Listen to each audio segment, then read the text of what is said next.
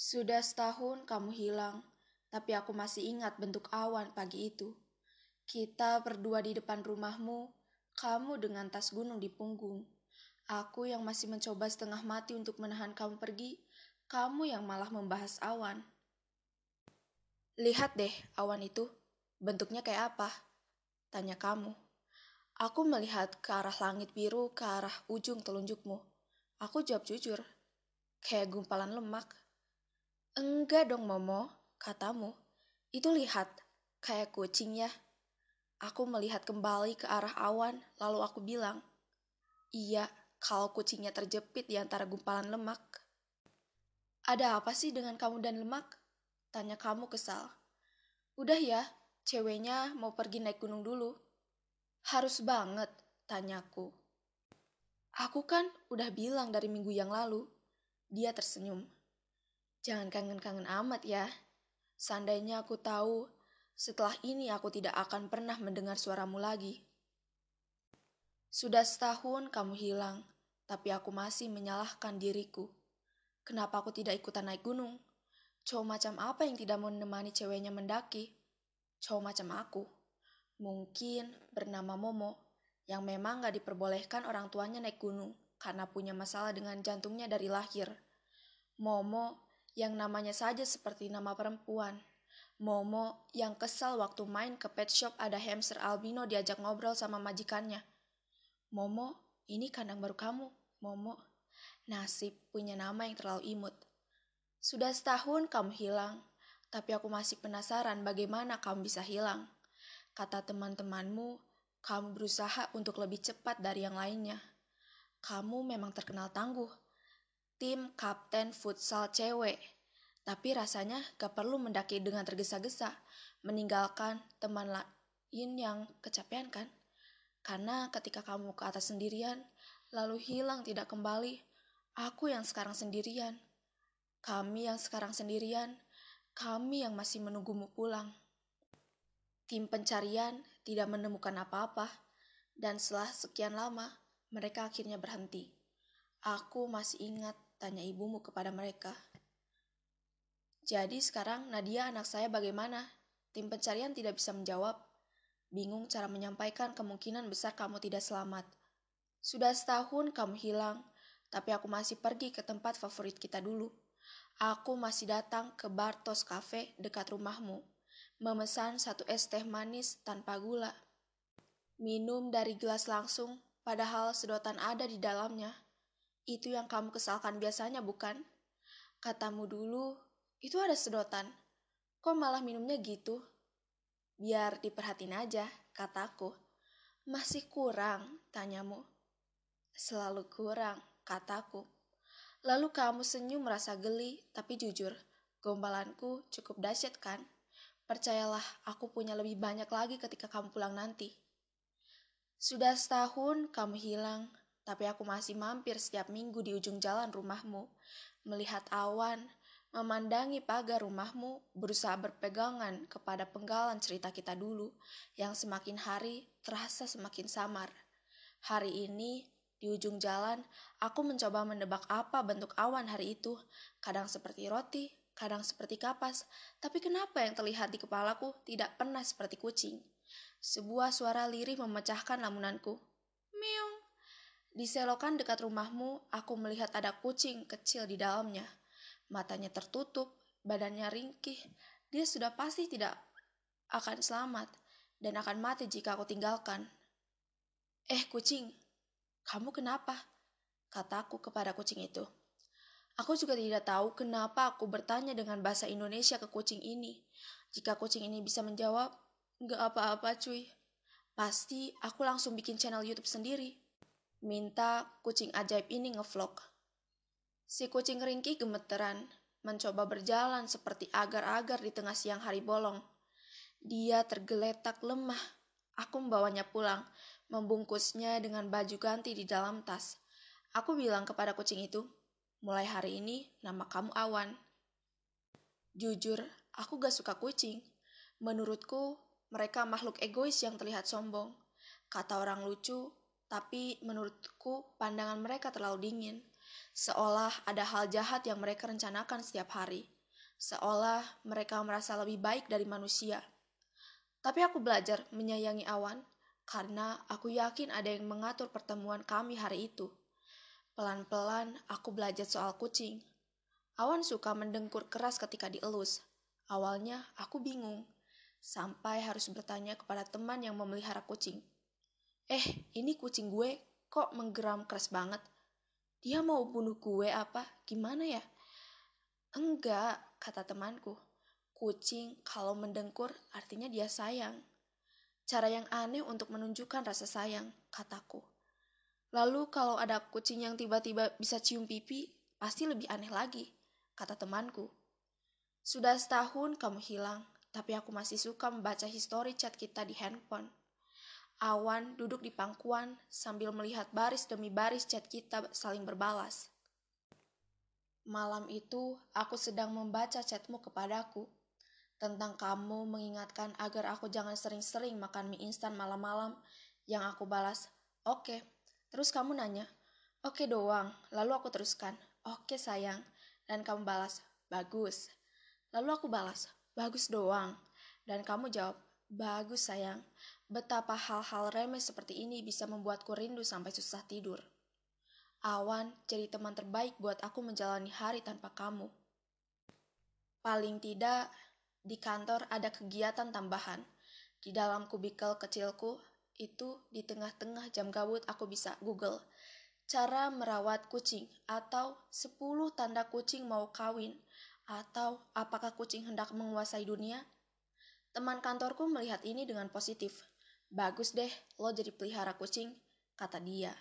Biar lo gak galau melulu, biar lo cepat gemuk lagi. Memang, patah hati adalah diet yang terbaik. Tidak semua teman kantorku seperti ini.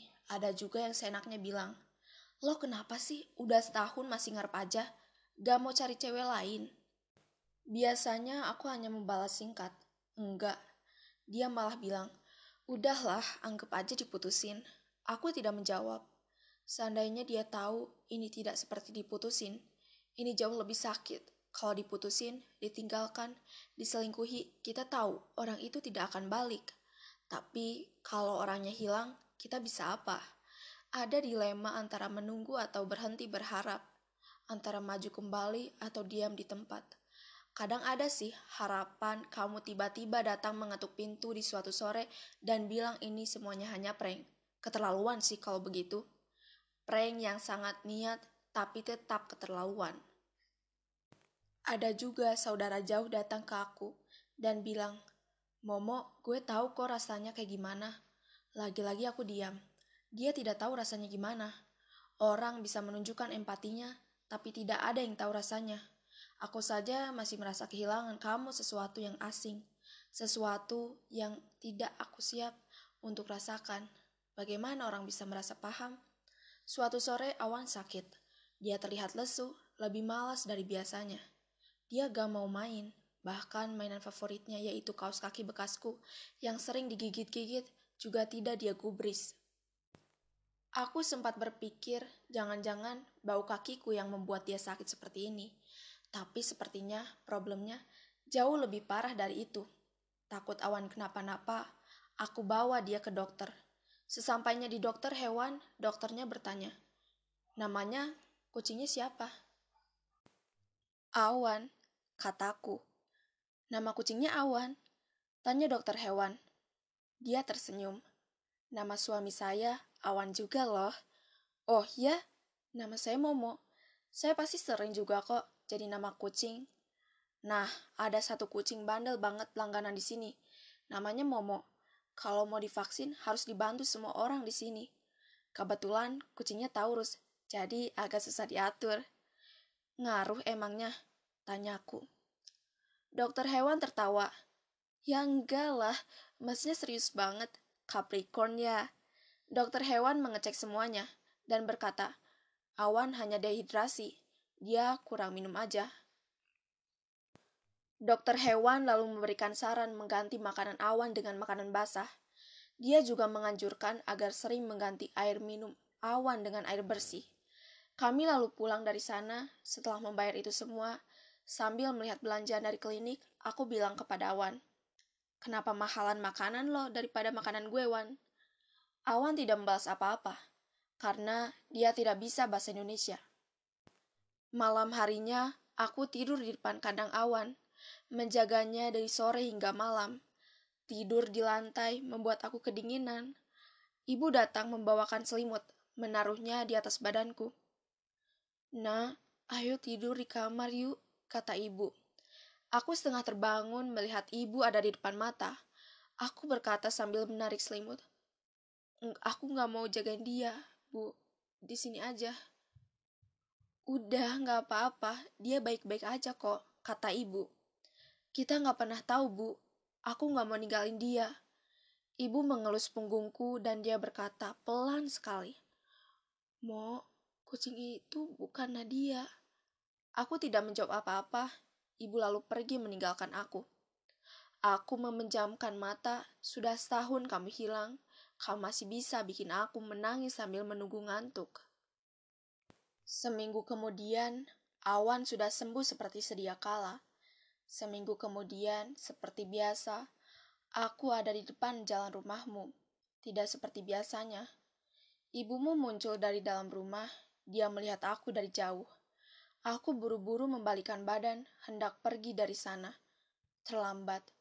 Ibumu memanggil namaku. Momo, katanya. Jangan pergi.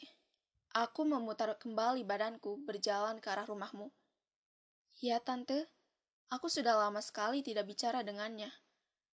Tante tahu kamu tiap minggu ada di ujung jalan. Katanya. Kenapa nggak mampir aja? Enggak, Tante, gak perlu mampir, kataku. Sejujurnya, aku tidak berani untuk bertemu dengan ibumu lagi. Rasa bersalah yang ada di dadaku, ini seperti jangkar yang memberatkan langkah. Seharusnya aku, laki-laki yang nanti akan dititipkan untuk menjagamu, bisa menjagamu dari gunung itu. Gunung yang seperti seorang pesulap handal, punya trik hebat menghilangkan orang yang tidak bisa dibongkar oleh netizen jahil di kolom komentar YouTube sekalipun. Kali ini aja masuk ya, kata ibumu. Enggak deh tante, aku... Ibumu melihat tajam ke arah mataku. Tante, mau kamu masuk ya? Aku mengangguk pelan, masuk ke dalam. Sudah setahun kamu hilang, tapi ruang tamu rumahmu masih seperti yang aku ingat. Foto keluargamu dalam figura kayu dengan noda kopi di sudut kanan atas. Masih ada piano sumbang yang keluargamu selalu tunda untuk benarkan. Hal yang berbeda paling sepeda roda tiga milik adikmu. Ada di pojok yang berbeda dengan biasanya. Warnanya juga sudah pudar, berganti dari merah ke merah muda. Ibumu datang membawakan satu gelas air. Bunyi jam mengiringi kesunyian yang kami bagi. Kami saling menunggu siapa yang akan memecahkan keheningan ini terlebih dahulu. Pada akhirnya, ibumu yang memulai. Kamu baik-baik aja. Baik, eh, semua baik, kataku. Masa? Tanya ibumu. Iya, kataku. Tante masih suka ngobrol sama mama kamu loh, teleponan, kata ibumu, hening. Suara jam kembali mengisi kesunyian. Kami semua kangen sama Nadia kata ibumu. Kangen banget. Ibumu berusaha setengah mati untuk tidak menangis. Tapi, menunggu bukan berarti kamu harus menyiksa dirimu. Tante juga menunggu dalam cemas. Tapi, bukan berarti hidup kita tidak berlanjut. Iya, Tante. Tante juga berharap dia ketemu, baik sehat maupun tidak, meskipun menguburkan anak sendiri adalah hal paling ditakutkan semua orang tua. Aku hanya bisa mendengarkan. Tante sama om tahu kok, seminggu sekali kamu mampir di ujung jalan, seperti orang bingung memandang awan. Melihat ke rumah kami, kami tahu kok, kamu orang terakhir yang ngobrol sama dia sebelum dia berangkat. Kami tahu, tahu kok, kalau di hati kamu, kamu merasa bertanggung jawab atas ini semua. Aku akhirnya membuka suara. Aku cuma menyesal aku gak bisa mengubah apa yang terjadi. Gak ada yang tahu apa yang terjadi. Kami bahkan tidak menyalahkan siapa-siapa, Mo. Kami bahkan tidak menyalahkan kamu. Kenapa kamu menyalahkan diri kamu sendiri? Air mataku mulai terkumpul. Ayahku pernah bilang, laki-laki nggak boleh nangis, kecuali saat dia kecewa kepada dirinya sendiri.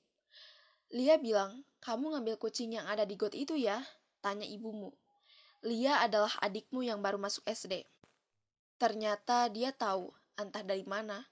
Mungkin tetanggamu ada yang melihat dan memberitahunya. Iya, aku rawat tante. Namanya Awan. Aku kasihan, dia hampir mati di situ. Jawabku. Ibumu memajukan badannya ke depan, setengah tersenyum dia berkata, Mo, kamu bisa memberikan hidup yang baru untuk kucing itu. Kamu juga bisa memberikan hidup yang baru untuk diri kamu. Kamu bisa menolong dirimu sendiri. Sudah setahun kamu hilang, tapi aku ingat kalimat ibumu mirip dengan yang kamu ucapkan. Aku ingat kita berdua selesai menonton Avengers, lalu kamu membuang plastik minum di tempat sampah. Lalu masih terbawa action film tersebut. Aku berkata kepadamu, Kapan pun kamu dalam bahaya, aku pasti tolongin kamu. Kamu malah menjawab, coba aku mau tanya, kalau misalnya kita keracunan nih, penawarnya cuma satu. Kamu mau kasih ke siapa obatnya?